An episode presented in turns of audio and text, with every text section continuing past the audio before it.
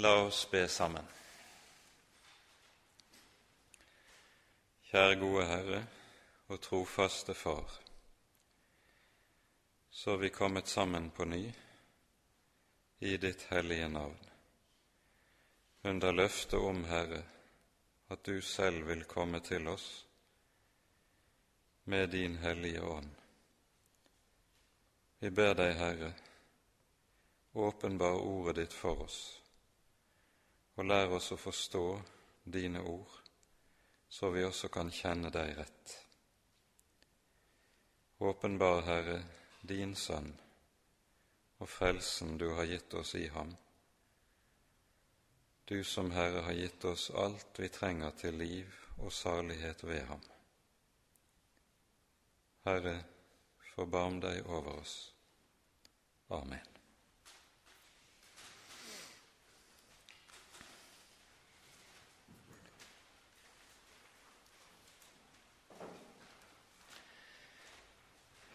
Vi eh, gir oss da altså i kveld i kast med det niende kapittelet i Romerbrevet. Og det er vel naturlig at vi i kveld leser de 16 første versene til innledning. Jeg vet ikke om vi vil rekke å gå gjennom alle disse, men eh, for sammenhengen sin del så kan det være greit, tror jeg. Så vi begynner med å lese fra vers 1 i Jesu navn. Jeg sier sannhet i Kristus. Jeg lyver ikke. Min samvittighet vitner med meg i Den hellige ånd at jeg har en stor sorg og en stadig nød i mitt hjerte for jeg skulle ønske at jeg selv var forbannet bort fra Kristus for mine brødres skyld, mine frender etter kjødet. De er jo israelitter. Dem tilhører barnekåret og herligheten og paktene og lovgivningen og gudstjenesten og løftene. Dem tilhører fedrene, og fra dem er Kristus kommet etter kjødet, Han som er Gud over alle ting, velsignet i evighet. Amen.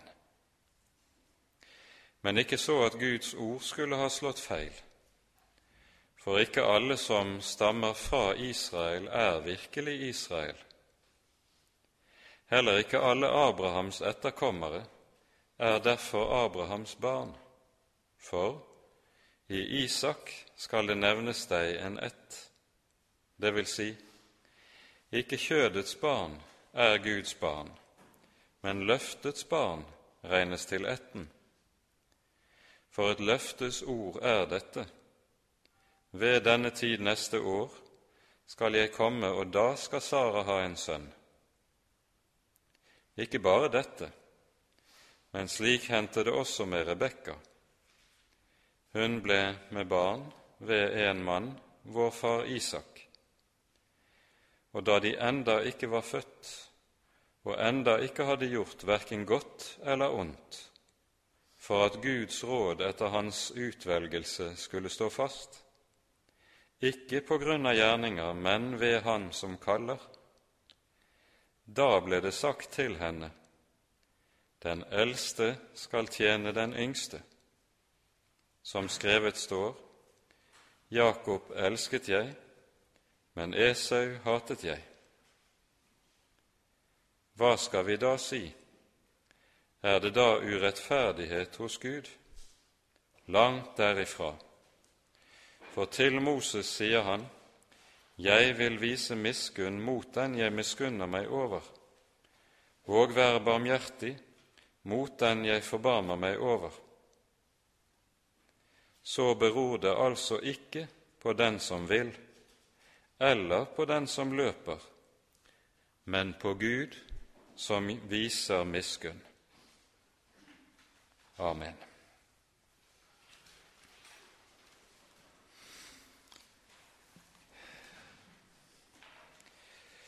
Vi er nå altså gått over i det hovedavsnittet i Romerbrevet som går fra 9 til 11, og som gjerne kalles for det frelseshistoriske avsnittet i brevet. Og det apostelen her tar opp, det er Israels stilling rent frelseshistorisk, og forholdet mellom jøder og hedninger også rent frelseshistorisk. Ehm, dette har jo ikke minst som bakgrunn det som vi har hørt i innledningen til romerbrevet i det første kapittel. Der taler apostelen om hvorledes evangeliet er for jøde først, og så for greker.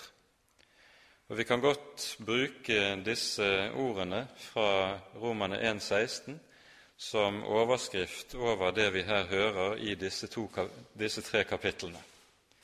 For jøde først, og så for greker.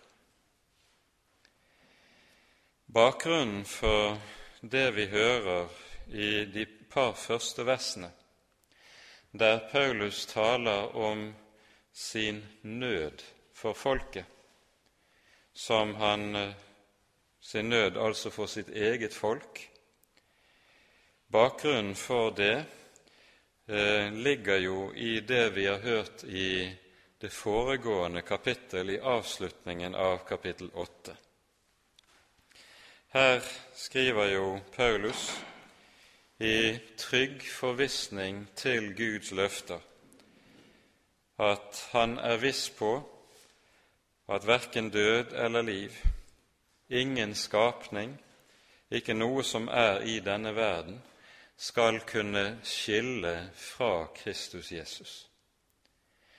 Hvis Guds løfter står så fast, og at vi som Guds barn skal få lov til å eie en slik visshet som Paulus her eh, setter ord på, hva er da årsaken til at det kan se ut som at Guds løfter til Israel har sviktet? Og det er dette Paulus altså nå tar opp ifra kapittel 9 av og fremover. Og avsnittet innledes da sånn som vi hører i vers 1 og 2, med en meget høytidelig forsikring. Jeg sier sannhet i Kristus, jeg lyver ikke. Min samvittighet vitner med meg i Den hellige ånd. En så høytidelig forsikring fra Paulus sin side finner vi vel knapt i andre sammenhenger i Det nye testamentet. Men i denne sammenheng er det altså at Paulus innleder det som nå følger, med en slik forsikring. Poenget med det han her har å si, det er at han vil understreke at for det første han tar ikke på noen måte munnen for full med det han nå sier, som vi hører i vers 2 og i vers 3. Han farer ikke bare med fromme talemåter, men dette er noe som er helt reelt hos ham. Det er en meget stor nød, en meget stor sorg, apostelen bærer i sitt eget hjerte. Når han skriver sånn som vi her hører, så har antagelig det også sin bakgrunn i at han jo av judaistene har blitt mistenkeliggjort for fiendskap mot loven, og dermed også for fiendskap mot det jødiske folk. At han så å si, i og med at han er blitt hedningenes apostel, har vendt sitt eget folk, sine egne folkefeller, ryggen. Det har jo alltid opp gjennom historien fantes jøder som slik har vendt sine egne ryggen. Og Paulus har vel antagelig vært beskyldt for det. Ehm, Vi møter for øvrig en meget sterk imøtegåelse av akkurat dette i et veldig viktig avsnitt i apostelgjerningene 21. Et avsnitt som eh, ofte blir oversett, men som sier veldig mye om Paulus' eh, måte å forholde seg på til loven og til sine jødiske folkefeller, og når det gjelder lovens stilling for de jødekristne.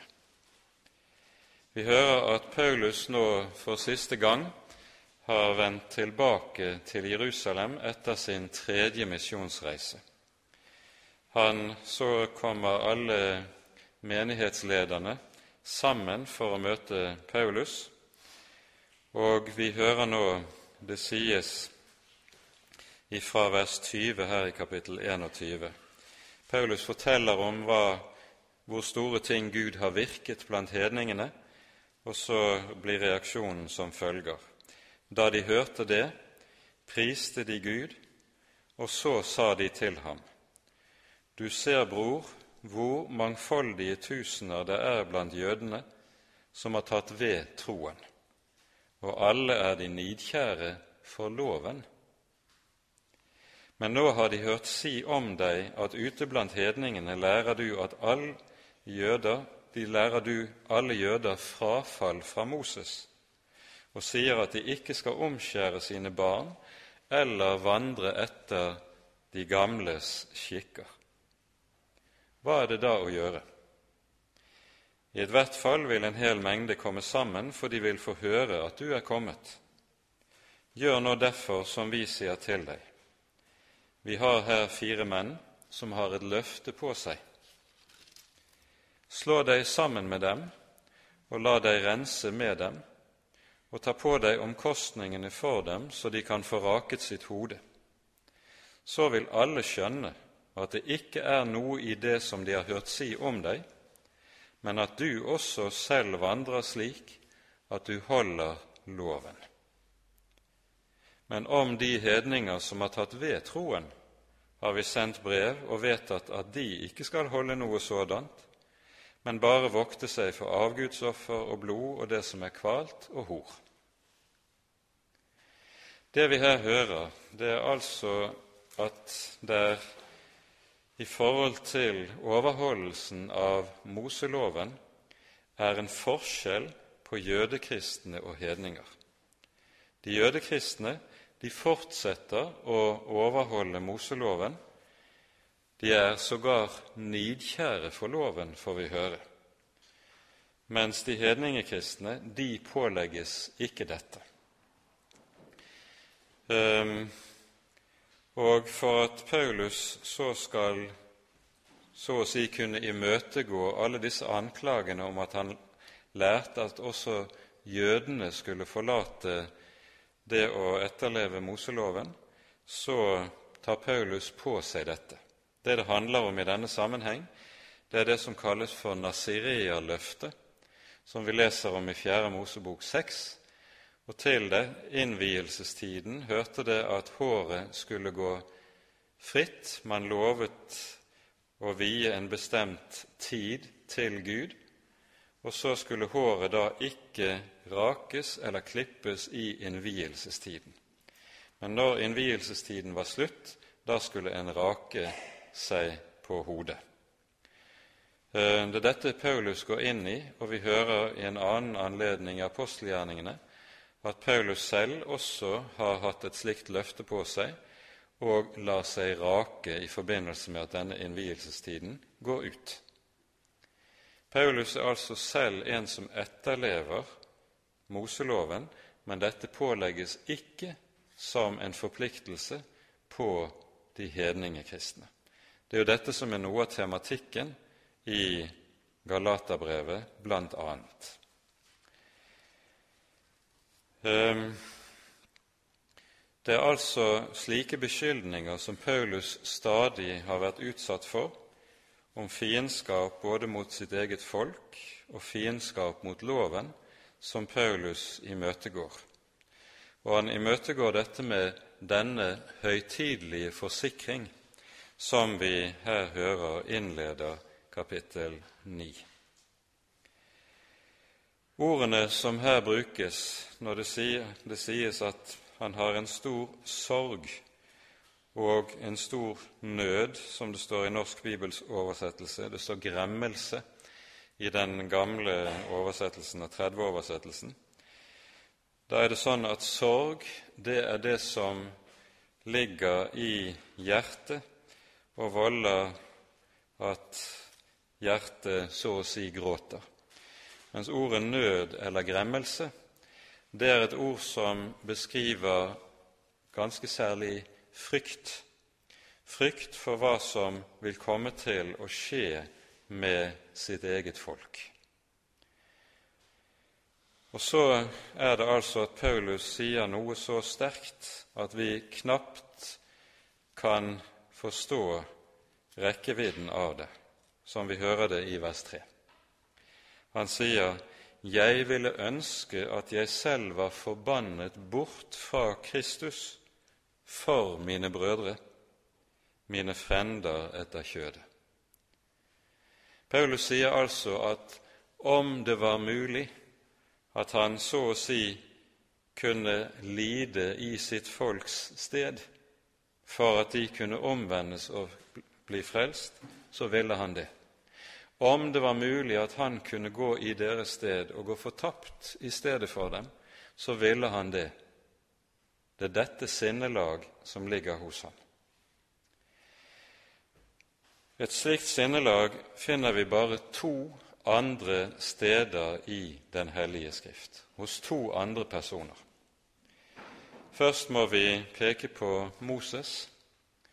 Vi hører om Moses etter Israels synd med gullkalven når Herren truer med å utrydde folket som er ført ut av Egypten, som dom over dette meget dype frafallet, så går Moses i forbønn for folket i 2. Mosebok 32, og i denne sin forbønn leser vi i vers 32, altså 2. Mosebok 32, 32, at Moses ber slik:" og om du ville forlate dem deres synd.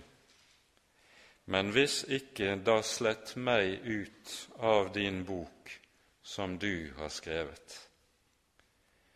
Altså, her finner vi hos Moses et forbilde på Kristi eget hjertelag. For den annen person der vi finner et slikt hjertelag hos, det er jo Herren Jesus selv. Han er den som ble forbannet for at vi skulle fris fra forbannelsen. Han er den som gikk inn i fortapelsen for at vi skulle fris fra fortapelsen. Han er den som går inn under Guds vrede for at vi skal fris fra Guds vrede. Moses er et forbilde på dette og det er Kristi eget hjertelag og sinnelag som kommer til uttrykk hos Paulus når han taler sånn som han gjør. Poenget her er at det vi nå ser hos Paulus, det er så å si en anskuelsesundervisning om hvorledes evangeliet kan forme og danne et menneske på en slik måte at Kristi eget sinnelag vinner skikkelse hos det. Jesus sier i Johannes 13.: Et nytt bud gir jeg dere, at dere skal elske hverandre like som jeg har elsket dere. Dette ordet 'like som' Det er det som så å si er det nye med budet. Hvorledes elsket Kristus oss? Jo, på en slik måte at han ga seg selv inn under dommen, i vårt sted, for vår skyld. Det er dette som beskrives, og det er dette sinnelag vi finner har vunnet skikkelse hos apostelen. Og så er han i den dypeste nød for sine egne folkefeller. Det er denne nød, Kristi egen nød for at mennesker skal bli frelst, for at mennesker ikke skal gå fortapt, som taler gjennom apostelen her. Det var jo Kristi egen nød for oss som drev ham til korset. Han orket ikke å se at et eneste menneske skulle gå fortapt. Og Derfor var han villig til å bære all vår fortapelse, all vår synd, hele vår dom på sitt legeme på treet. Det er dette hjertelag vi ser hos Paulus òg. Og så er det så å si uten at Paulus tilsikter dette, for det ligger langt fra Paulus å tale om og skryte av seg selv. Så ser vi likevel hos Paulus det vi leser om i Filipperbrevet kapittel 2, vers 5. La Kristi eget sinn bo i dere. Dette oversettes ofte som om det sto 'La Kristi sinnelag bo i dere'. Og så taler man i forlengelsen av det om det som vi kaller for sinnelagsetikk. En sinnelagsetikk som dreier seg om at vi som kristne skal prøve å etterligne Jesus. Men dette er, det Paulus taler om, er noe langt dypere. Det han, tal, det han taler om, det er at Kristi eget sinn, Kristus selv, skal utfolde seg, sitt eget liv, i og igjennom de troende. Og Det er noe som bare skjer ved at evangeliet får lov til å være det det skulle være for oss.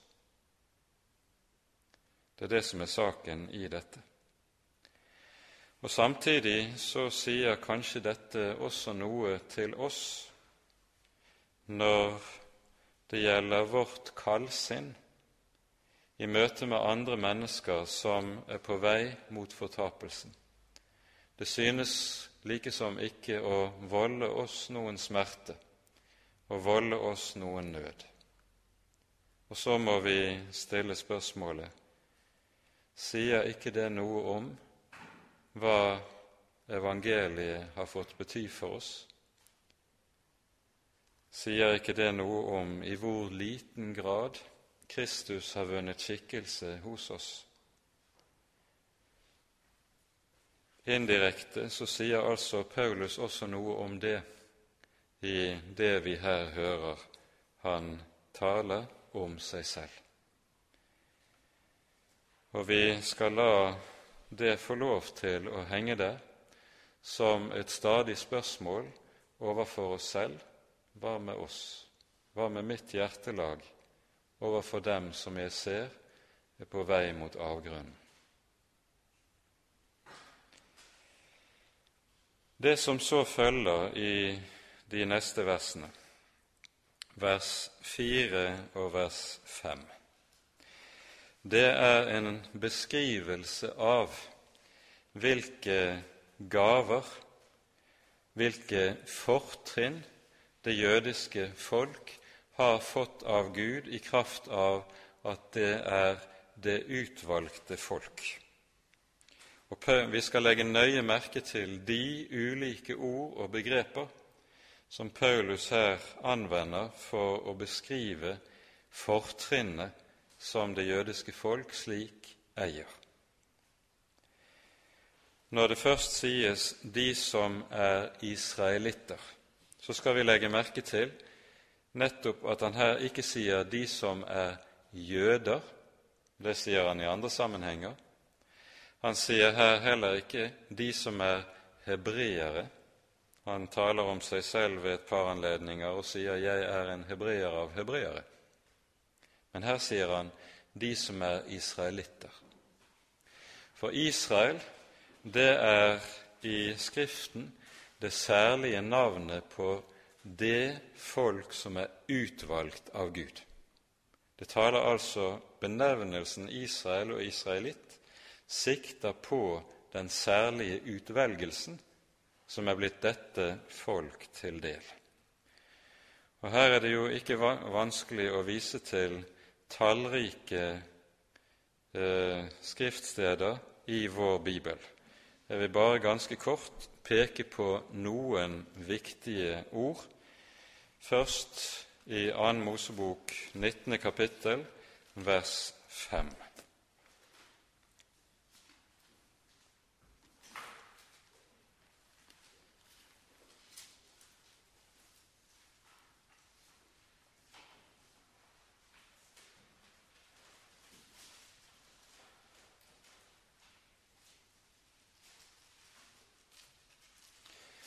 Her leser vi sånn dette er innledningen til paktsslutningen ved Sinai. Og så står det:" Dersom dere nå hører min røst, tar vare på min pakt, da skal dere være min eiendom. Og så kommer det fremfor alle folk. Altså, med det uttrykket så skilles det jødiske folk ut fra alle andre folk, for det sies 'fremfor alle folk'. Vi kan også lese f.eks. fra 5. Mosebok 7, fra vers 6 og vers 7. Her understrekes både folkets utvelgelse og samtidig også årsaken til utvelgelsen. Det er ikke fordi at de er noe spesielt i seg selv, langt derifra, men det sies et hellig folk er du for Herren din Gud. Deg har Herren din Gud utvalgt av alle de folk som er på jorden, til å være Hans eiendomsfolk. Ikke fordi dere var større enn alle andre folk fant Herren behag i dere, så Han utvalgte dere, for dere er de minste, det minste blant alle folk, men fordi Herren elsket dere, og fordi Han ville holde den ed Han hadde svoret deres fedre. Derfor førte Han dere ut med sterk hånd. Altså årsaken til utvelgelsen ligger i Herrens eget hjerte fordi Herren elsket dere, og fordi Han har gitt et løfte han vil holde dette løftet. På ny ser vi likevel hvorledes dette understreker forskjell. Det jødiske folk er et utvalgt folk, og hva utvelgelsen innebærer, leser vi så videre her i vers 4. Vi kan også minne om det vi har lest tidligere i apostelgjerningene nei, unnskyld, Romerbrevet kapittel 3, hvor eh, Paulus skriver slik i de to første versene i kapittel 3. Hvilket fortrinn har da jøden, eller hva gagn er det i omskjærelsen? Meget i alle måter. Først og fremst det at Guds ord ble dem betrodd. Og med det i minne så tror jeg vi også kan si at alt det som kommer i fortsettelsen nå i vers 4 og 5, det er innbefattet i dette Guds ord ble dette folk betrodd. De er utvalgt av Gud til å være det frelseshistoriske redskap til her i historiens verden å ta vare på Guds ord, for at dette Guds ord også skal bli hedningefolkene til del. Og Derfor finner vi også i Det gamle testamentet tallrike løfter om hvorledes hedningene skal dra opp til Jerusalem for at Herren skal undervise i sitt ord. Noe som nettopp er i billedlig forstand skjer gjennom misjonen, gjennom at vi også har fått del i evangeliet. Men vi vender tilbake her til kapittel 9, vers 4. De som er israelitter, de som dem som eier barnekåret, Det sies gjentatte ganger i Det gamle testamentet at Israel er Guds sønn eller Guds barn. Fra Egypten førte jeg ut min sønn, sies det om Israel. De eier barnekåret hos Gud. Når det taler om herligheten som Israels folk eier, så er det slik at når ordet herlighet brukes på den måten som vi hører det her, så sikter det antageligvis til det vi leser om i eh, forbindelse med ørkenvandringen og i forbindelse med tempelet og i opprettelsen av tempeltjenesten. Vi hører jo i forbindelse, Det sies om Israels ørkenvandring at Herren gikk foran folket, om dagen i en skystøtte og om natten i en ildstøtte, for å føre dem på veien. Herrens nærvær hvilte over folket i skystøtten. Og det vanlige i eh, jødisk tradisjon at man betegnet skystøtten med navnet enten Herrens herlighet eller med navnet Shekina, som er en benevnelse som betyr Herrens nærvær, det at Herren bor midt i sitt folk. Vi hører det sies i 2. Eh, Moseboks 40. kapittel, vers 34 og 35, om at når tabernaklet reist og skal innvies, så senker skystøtten seg over det aller helligste og bor i det aller helligste over nådestolen. Og Det samme sies i forbindelse med innvielsen av Salomos tempel i første kongebok, åttende kapittel. Der hører vi at skystøtten fylte tempelet slik at prestene ikke lenger kunne gjøre sin tjeneste så lenge skystøtten hvilte over helligdommen. Motsatt leser vi hos profeten Esekiel i kapittel 8 og 9 eh, og 10 om hvorledes forut for babylonernes ødeleggelse av Jerusalem, og der også tempelet jevnes med jorden, så ser profeten skystøtten flytte ut av tempelet, slik at Herren med det angir at han forlater sitt folk. Det er dette Jesus sikter til når han i domsprofetien over Jerusalem i Matteus 23 eh, sier i avslutningen fordi de ikke har tatt imot ham og evangeliet i, med ham, så sier han 'Deres hus skal lades dere øde'. Altså tempelet skal bli øde, dvs. Si Herrens herlighet skal forlate helligdommen, slik at han ikke lenger er midt iblant sitt folk. Det er altså denne måten det taler om Guds herlighet i Det gamle testamentet, og det er viktig å være oppmerksom på den særlige betydningen av ordet her. Det neste som Israels folk eier, det er paktene. Og vi merker oss at her er det tale om pakter i flertall. Og Med det må vi peke på at det er særlig tre pakter det her er sikter til. For det første siktes det til pakten med Abraham. I Første Mosebok, kapittel 15 og 17, leser vi om hvorledes Herren inngår pakt med Abraham. Og Pakten med Abraham er det som kalles for en nådepakt, som er et forbilde på den nye pakt. Det leser vi om en rekke steder, ikke minst i Paulus sine brev. Pakten med Abraham er en nådepakt.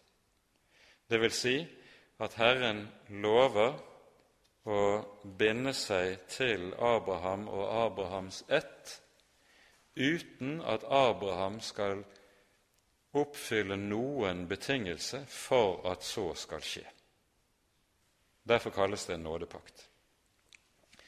For det andre så sikter det til Sinai-pakten, den vi leser om i 2. Mosebok kapittel 19 24, der Herren inngår pakt med folket ved Sinai. Sinai-pakten er en lovpakt.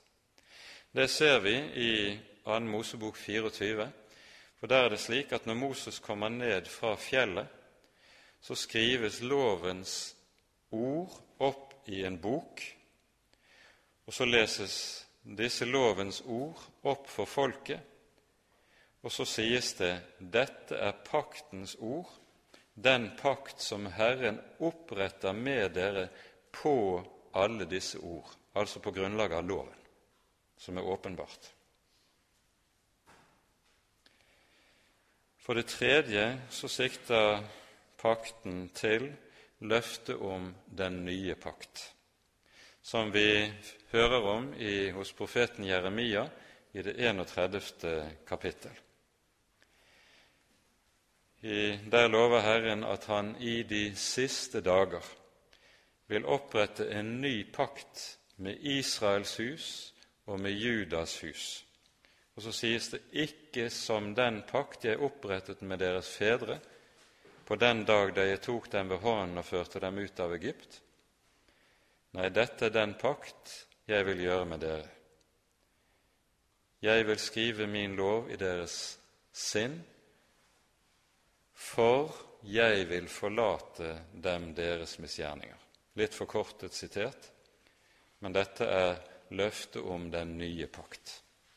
Og Det er dette, ord, dette ordet Jesus viser til i forbindelse med innstiftelsen av nadværen.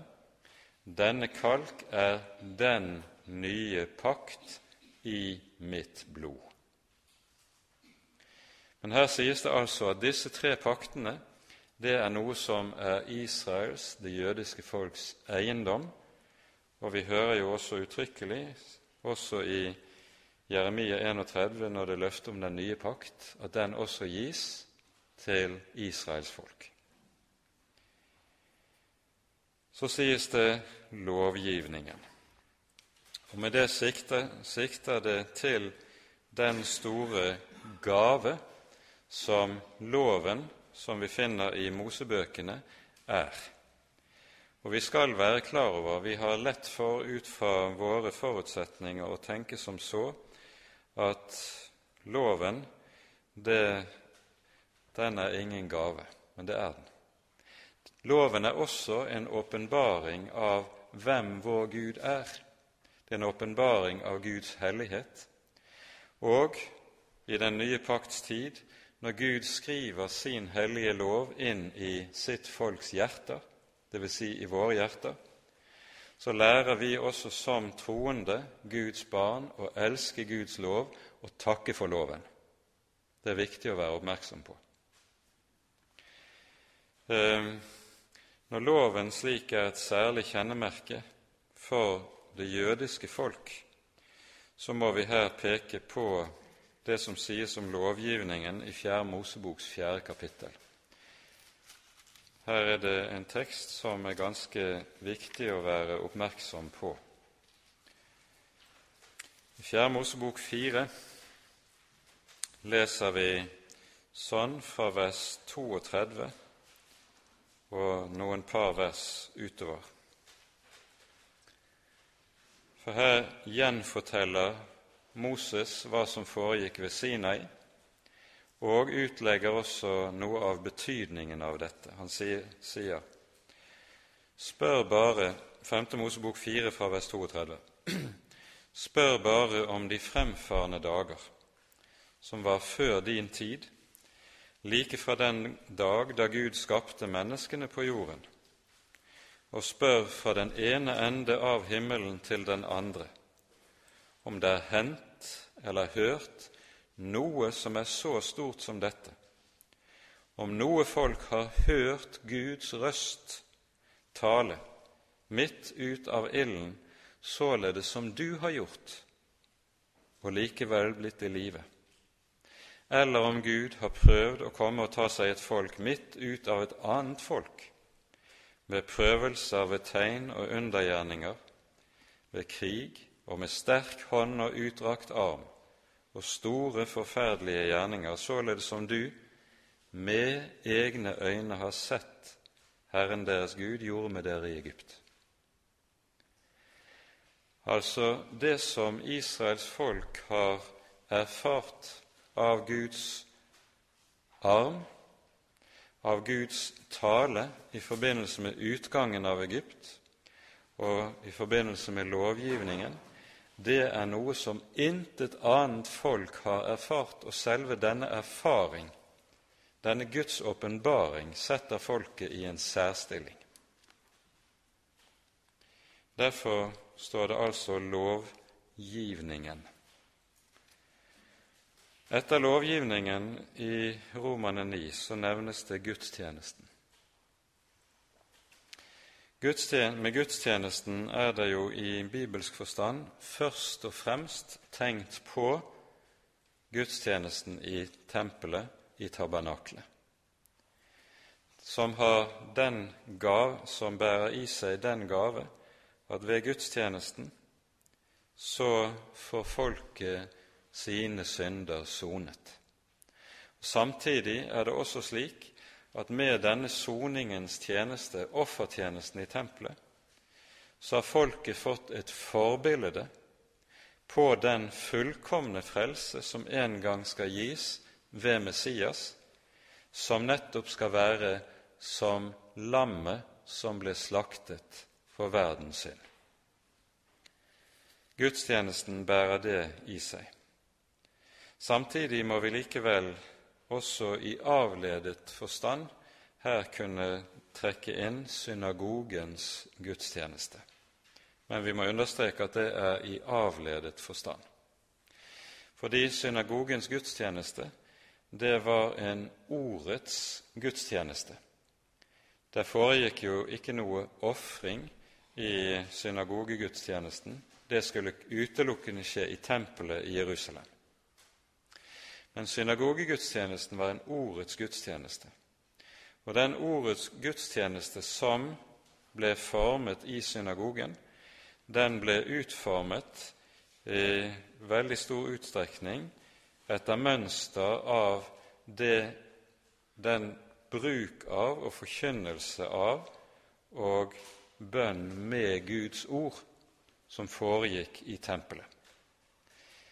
I tempelet så brukte man nemlig i rik forstand Davids salmer som liturgi. Folket sang, presteskapet og levittene sang, og ofte var det vekselsang, på samme måte som vi har i vår liturgi i Den norske kirke. Ehm, og det var også opplesning fra Guds ord i tempelet, i med, særlig i forbindelse med de store høytidene. Og Dette ble også altså nedfelt i synagogens gudstjeneste, en gudstjeneste som kom til å danne malen for den kristne gudstjeneste. Vi skal være oppmerksom på, og det er det mange som ikke er klar over i våre dager, at den kristne gudstjeneste ble utformet på grunnlag av synagogens gudstjeneste og var derfor helt fra begynnelsen av en liturgisk gudstjeneste. Det er mange troende, ganske særlig av lavkirkelig merke, som tror at den første kristne gudstjeneste den var som et torgmøte eller et Eh, møte à la Frelsesarmeen, hvor enhver kom med sitt ettersom man følte seg inspirert, eller som Ånden ga en det hele. Slik er, var det ikke, og det er en misforståelse å tenke sånn om den første kristne gudstjeneste. Den første kristne gudstjeneste var liturgisk. Og slik har den første kristne gudstjeneste vært det gjennom den kristne gudstjeneste vært det gjennom hele historien, frem til reformasjonen, da Calvin og Vi skal være oppmerksom på det. Det er Calvin som eh, opphever den liturgiske gudstjeneste og innfører det vi kaller for det frie møte, og hevder at det er den opprinnelige gudstjeneste. Kirkehistorisk er det altså relativt nytt. Eh, det går tilbake bare til Calvins tid, det som vi der møter. Vi skal ikke bruke mye tid på det, men det kan være viktig at en er oppmerksom på denne delen av historien. Israel har altså fått overgitt gudstjenesten. Og så nevnes til sist i vers 4 løftene. Løftene, med det tenkes det på det som eh, jo er selve hovedsaken, det som er den røde tråd gjennom Det gamle testamentet. Dette ser vi i forbilledlig form allerede i fedrehistorien, historien om Abraham, Isak og Jakob. Det historien hos disse fedrene dreier seg om, det er løftet som ble gitt til Abraham, hvorledes det skal kunne virkeliggjøres og gis videre.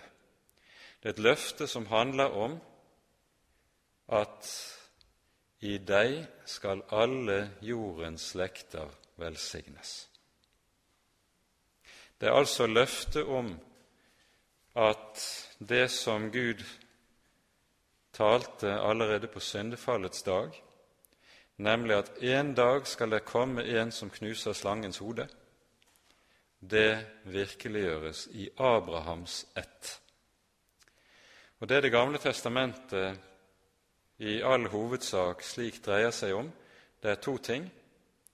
For det første hvorledes Gud på historisk vis forbereder virkeliggjørelsen av dette løftet gjennom at han nettopp har utvalgt et folk, og i dette folk på historisk måte legger forholdene til rette for at løftet skal kunne oppfylles. For det andre handler Det gamle testamentet om hvorledes dette løftet stadig gjentas, utdypes, forklares på en slik måte at det fremstår stadig tydeligere. Og så til slutt kommer Han som er oppfyllelsen av løftet, Kristus, som vi hører i vers 5. I ham har alle Guds løfter sitt ja og sitt amen, sier Paulus i 2. Korinterbrev 1,20. Det er det, det han alt sammen sikter frem imot. Og når det her står Kristus i vers 5 i stedet for navnet Jesus, så er det jo fordi Kristus er en tittel. Kristus er den greske formen av det hebraiske Messias. Og tittelen Messias den er en tittel som nettopp taler om Han som skal komme og oppfylle løftet. Selve Messias-tittelen, eller Kristus-tittelen, den knytter Jesu gjerning sammen med Det gamle testamentet og sier han er den som oppfyller løftet. Jesus sier selv uttrykkelig i Matteus 5, 17, et ord vi har gjentatt ved flere anledninger. Dere må ikke tro at jeg er kommet for å oppheve loven. Jeg er ikke kommet for å oppheve, men for å oppfylle. Og Her tenkes det altså ikke bare på Moseloven, Ordet lov, eller loven, brukes en rekke steder i Det nye testamentet som helhetsbetegnelse på Det gamle testamentet. Og Slik er det antagelig også her i eh, Matteus 5, 17. Jesus er ikke kommet for å oppheve, men for å oppfylle. Og Slik binder Jesus hele sin gjerning og hele sitt budskap sammen med budskapet i Det gamle testamentet. Det er noe av det som ligger i Kristus' tittel, og det er viktig å være oppmerksom på. Det er en tittel som altså har det som sin, sitt grunnleggende innhold at den knytter Det nye testamentet, sitt budskap, til det gamle. Nå slutter vers 5 med et vitnesbyrd som om Kristi guddom som er noe av det sterkeste som vi hører i Det nye testamentet. Kristus er kommet fra det jødiske folk etter kjødet, sies det. Og Når Paulus uttrykker seg sånn, når han først taler om Kristus etter kjødet, så gjør han det alltid for så å si i neste åndedrag å si hvem han er etter Ånden, Han som er Gud over alle ting, velsignet i evighet. Dette er jo et av de bibelversene som ikke minst volder Jehovas vitner de aller sværeste vansker. Og Derfor prøver de også å oversette dette ordet annerledes. De prøver å oversette ordet slik som Arius gjorde det i Oldkirken. Arius var jo den store vranglæreren på 300-tallet i Oldkirken, som nettopp nektet at Jesus var sann Gud. Og Derfor prøvde han å lansere en alternativ oversettelse i dette vers 5, en oversettelse som i, står skarpt i strid med sammenhengen. Oversettelsen til Arius lød omtrent slik Han som Kristus er kommet fra, eller dem som Kristus er kommet fra etter kjødet, han som er over alle ting. Punktum.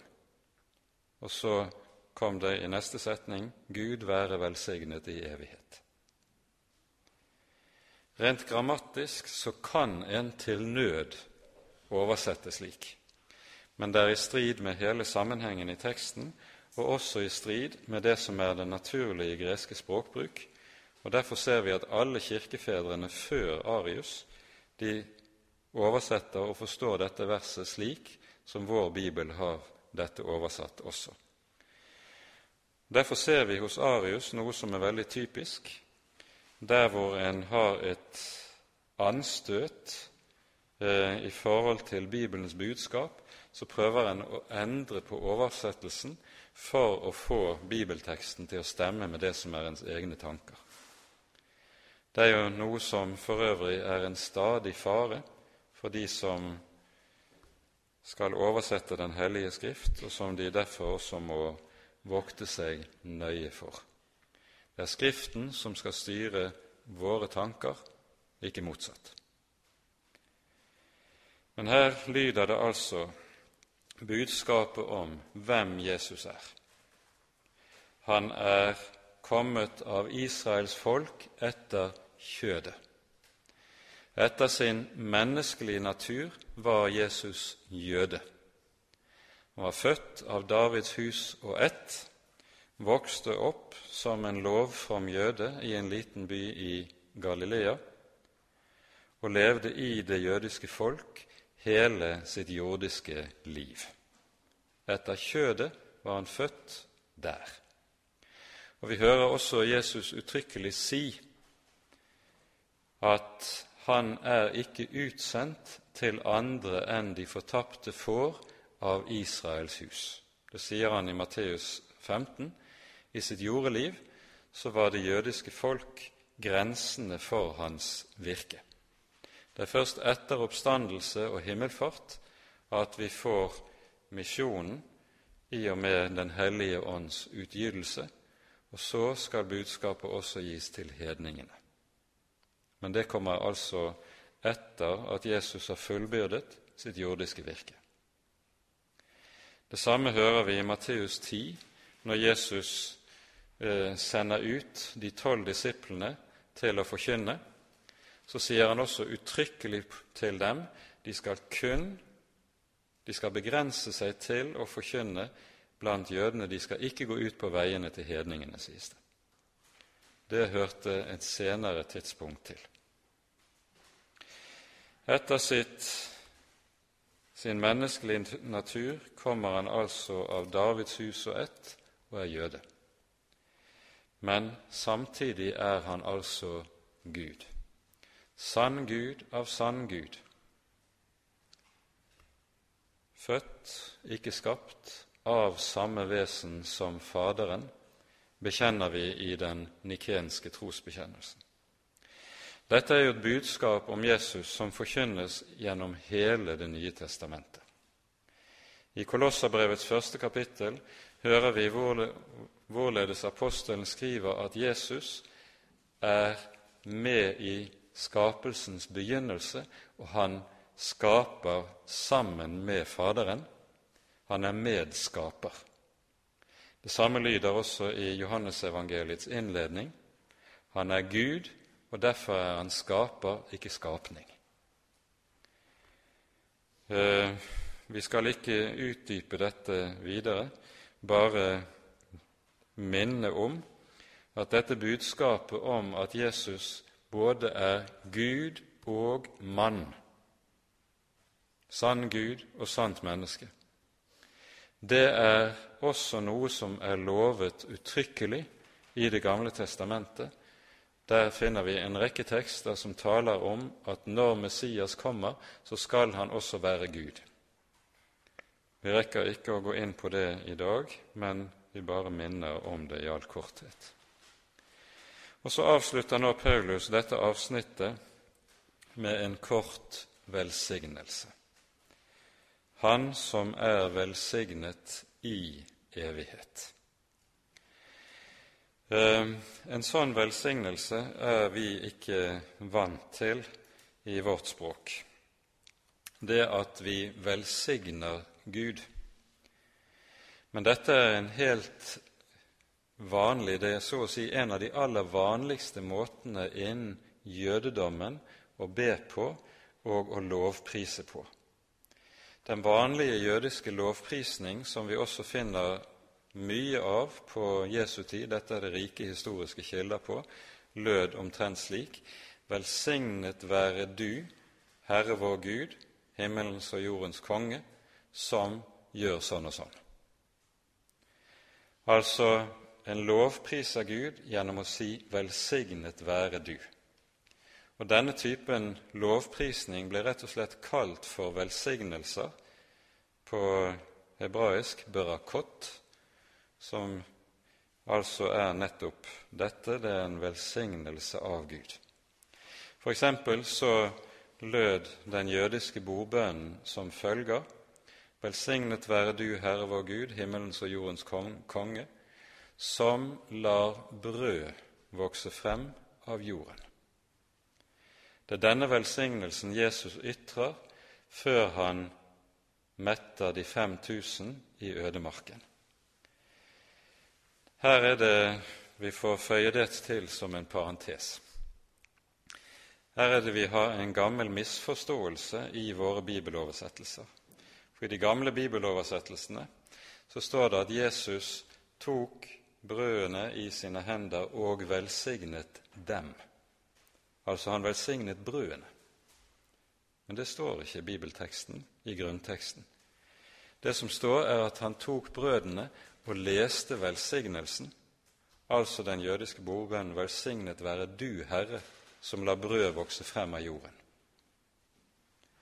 Det er Gud som velsignes i bordbønnen, ikke brødene.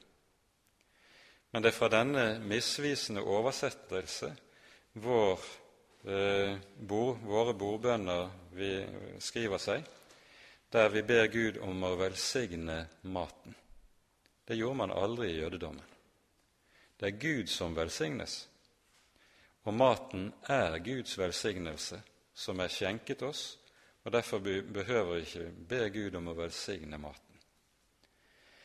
Eh, akkurat denne misvisende oversetningen den har vi i dansk og norsk bibeloversettelsestradisjon. Mens i både engelsk og tysk og andre språks oversettelsestradisjon finner du det ikke. Og Derfor finner du ikke tilsvarende bønner på engelsk mark, f.eks., der man ber Gud velsigne maten. Det er vanlig at man sier i, på engelsk mark at man kan tale om 'to say grace', som nettopp er å takke for hva som er oss gitt. Dette er en parentes i sammenhengen, men det kan være viktig å være oppmerksom på akkurat dette for at vi da får et lite blikk inn i Det nye testamentets verden og tankeverden, for det er slik som Paulus ba, og som jøder fortsatt ber den dag i dag. Og Vi finner en rekke tilsvarende bønner som er hentet ut av denne bønnetradisjonen ellers i Det nye testamentet også. Nå har vi brukt såpass mye tid på de fem første versene at vi antagelig ikke rekker å gå noe nærmere inn i fortsettelsen. Men eh, jeg tror det har hatt sin nytte å stanse opp for dette, for her møter vi noe som er ganske sentralt i vår bibel når den taler om det jødiske folk. Ehm, det er det folk som er utvalgt av Gud, som er utvalgt med tanke på at her skal frelsen virkeliggjøres. Jesus sier i Johannes 4 frelsen kommer fra jødene. For her ble frelsen virkeliggjort, og i dette folk er det Guds ord er tatt vare på og overlevert for at vi også kan eie det og kjenne det. Så er det altså et stort fortrinn slik å ha fått alle disse gaver av Gud. Og Derfor er Paulus sin sorg også dobbelt stor, at de som har fått så store gaver, ikke har forstått å ta vare på det, og derfor har avvist frelsen og avvist evangeliet når det ble åpenbart. Og så er det spørsmålet reiser seg for apostelen. Har Guds løfte sviktet? Og det er det som tas opp i fortsettelsen, men det rekker vi altså ikke å se nærmere på i dag. Det får bli til neste gang. Ære være Faderen og Sønnen og Den hellige ånd, som var og er og være skal, en sann Gud, høylovet i evighet. Amen.